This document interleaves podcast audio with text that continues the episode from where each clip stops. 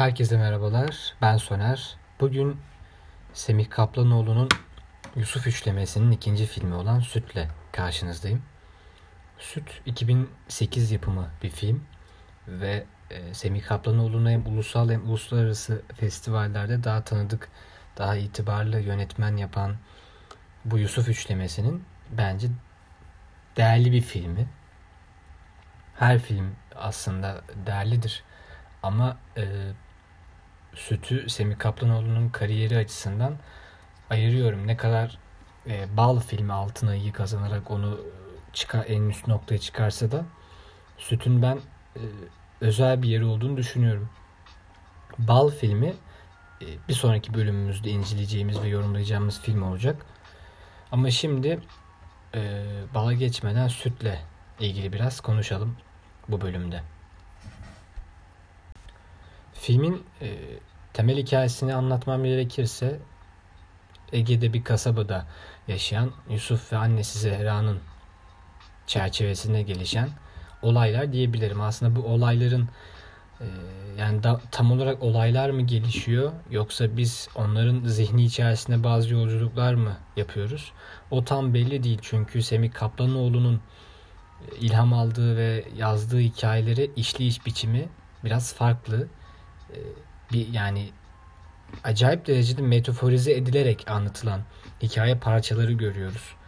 Verilmek istenen anlatıyı ve anlamı bazı metaforlarla, bu metaforların yer aldığı sahnelerle e, inceleyebiliyoruz. Bu yüzden filmi biraz e, birçok parçadan oluşan bir bütün olarak ele aldım diyebilirim. Tabi öncelikle Yusuf karakterinden bahsetmek gerekecek. Yusuf'un yaşadığı kasabaya olan aidiyetsizliğini her planda her sahnede hissediyoruz film boyunca ve yalnızlığını. Hatta annesiyle olan ilişkisinin bile e, onu tatmin etmediği ve ona bir huzursuzluk verdiğini de hissediyoruz. Çünkü belki de yapmak istedikleri şeyleri yapamayan ve kasabada sıkışmış kalmış bir hissiyatı var Yusuf karakterinin.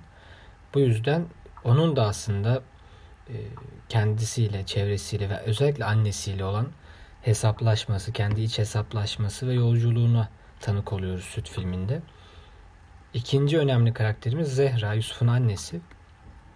Zehra e, uzun yıllardır bir eşsiz sadece çocuğuyla yaşayan ve filmin başlarında anladığımız kadarıyla Yusuf'un şiir yazmasıyla işte kendisinin Yusuf'un kendisini biraz sanatla ilgilendirmesine kızgın bir anne. Çünkü geçim derdi aslında onun tek derdi haline gelmiş doğal olarak tabii ki.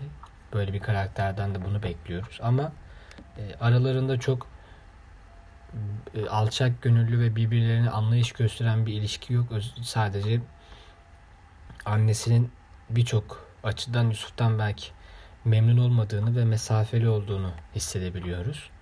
E, bunun sebeplerine inmek gerekirse filmin açılış sahnesine gitmemiz lazım. Bence son yıllarda gördüğüm en vurucu açılış sahnelerinden biriydi. Ben oradaki genç kızın e, Zehra olduğunu düşünüyorum ve Yusuf'a hamile olduğunu düşünüyorum. Semih Kaplanoğlu filmlerinde böyle subjektif yargıları daha kolay yapabiliyoruz. Ama o sahneyi bence bu şekilde bir anlatım doğru kılar. Ee, orada Zehra'nın gençliğini görüyorum ben. Bence anlatılmak istenen şey de oydu. Ee, ve süt metaforu ve yılan metaforu karşımıza çıkıyordu ilk başta. Ee, kaynatılan bir süt ve onun tepesine ters bir şekilde asılan Zehra e, sütün buharı ve içine atılan bazı büyülü sözcüklerle e, içindeki yılanı işte şifacının çıkarmasıyla filme giriyoruz. Böylelikle aslında anlatılan şey bir e, ihanet mi veya günah mı veya şeytani bir durum mu aslında bunu düşündürmemizi veya düşünmemizi istiyor olabilir Semih Kaplanoğlu. Buradan bu buradan hareketli de Zehra karakterinin içindeki sonradan açığa çıkacak yozlaşmayı da biraz hissedebiliyoruz açıkçası. Ben Süt filmindeki karakter derinliklerini buğdaya nazaran daha çok beğendim. Bir önceki bölümümüzde incelemiştik buğdayı da. Ee, ve süt biraz biraz değil hatta bayağı bir fazla metaforik anlatımların hikayeleştirildiği bir filmdi. Hikayenin alışılmış e, olay örgüsü düzleminde değil, filmin tüm anlatı ve anlamlarının belirli sahne ve nesnelerle temsili söz konusuydu bence. Yusuf'un kendisini annesine kanıtlama ihtiyacı ve onun annesinde hissettiği o eksikliği tamamlama ihtiyacı onu bence e, sona bir son diyebilir miyiz bilmiyorum ama belli bir olumsuzluğa sürükleyen ana etkendi. Yusuf'un bir türlü erilliğe adım atamayışı yani bir toplumsal normlarımda normlarımızın oluşturduğu adamlık dediğimiz bir şey vardır. Ona kendisini bir türlü atamayışı bence Yusuf'u çok bunaltmıştı. Buradaki en büyük kırılgan sahne veya olay da askerliğe kabul edilmeyişi hiç şüphesiz. Askerliğe kabul edilmedikten sonra tekrar kasabaya döndüğünde aslında Yusuf'un içinde hiçbir şeyin aynı kalmadığını ve artık eve girip annesinin suratına bakacak e, yüzü de bulamadığımızı, yüzü bulamadığını görüyoruz. Her ne kadar onu annesi teselli etse de artık onun annesinin gözünde daha fazla düştüğünü ve annesinin onu kendisini kanıtlayamadığını düşünmeye başlıyor. Bu düşünce e, Zehra'nın hayatına bir adam girdiği zaman yerini bir öfkeye ve aslında aşağılanmaya bırakıyor. Bu hissiyat da Yusuf'u tabii ki farklı bir karakter haline getiriyor. Daha önce de bahsetmiştim Kaplanoğlu'nun e, metaforik hikaye anlatım tarzını. Bu tarz kısa ve sade sahnelerle verilen anlamlar üstüne gitmiş sinematografik olarak. Ben bu detayı beğendim. E, bu sahnelerin özellikle bir anlam taşıdığını düşündüğüm sahnelerin kısa, diyalogsuz tutulması beni etkiledi ve bence alt anlamları daha çok öne çıkarmıştı. Başka bir yönden e, film boyunca gördüğümüz o süt ve yılan ilişkisi yani film boyunca karşımıza çıkan en önemli iki metaforda bir ilişki var. Ee, yani sütün yılanı çektiğine inanılması, yılanın en çok sütü sevildiği, sevdiğine inanılması filmin üstüne kurduğu hikayeydi bence. Ve bu iki simge üstünden gitti bütün film.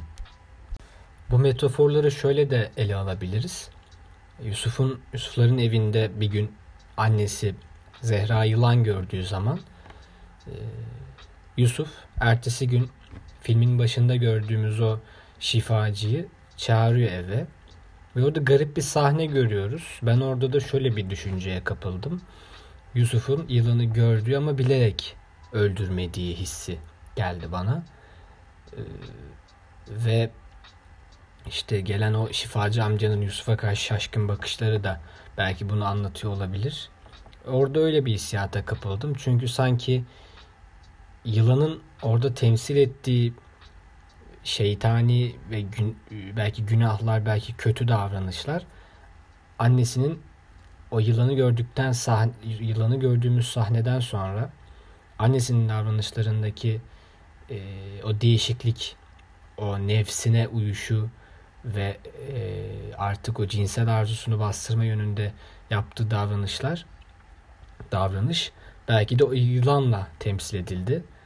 E, filmdeki her şeyin her olayın temsil edildiği bir simge olduğu için ister istemez izleyicinin de bence bu bağı, bağı kurul, kurması isteniyordu. Filmin e, ilk yarım saatinde püritenliğini ve yani saflığını bozan fazla uzun plan gördüğümüzü düşünüyorum. Bu bence biraz maalesef Türkiye'deki sanat algısının da yönetmenlerimize e, enjekte edilmiş bir hali. Yani şöyle söyleyeyim hep Nuri Bilge Ceylan olmak sadece Nuri Bilge Ceylan'a yakışıyor. Tabii ki bu kimsenin e, bozkırlarda genel planlar çekip uzun uzun baktırmasını engellemeyecektir ama ya Semih Kablanoğlu farklı bir tarzda, farklı bir yöntemde giderken e, ilk yarım saatte bizi sonraki hikayeyi hazırlamak yerine bence saflığı, o püritenliği fazla bozduğunu düşünüyorum ve ikinci eleştirimde diyalogların hikayeye göre çok yavan kalması beni biraz e, filmle karşı bozdu. Anlatılan ve düşünülen tüm ince detaylar ve ayrıntılara rağmen e, Buğday'dan sonra ben Semih Kaplanoğlu'nun Sütte de çok iyi diyalogların çıkarılamadığını düşündüm ve hissettim. Bir sonraki bölümümüzde inşallah balı konuşacağız ve podcast serimizin de sonuna geleceğiz. Herkese iyi günler ve iyi haftalar diliyorum. Hoşçakalın.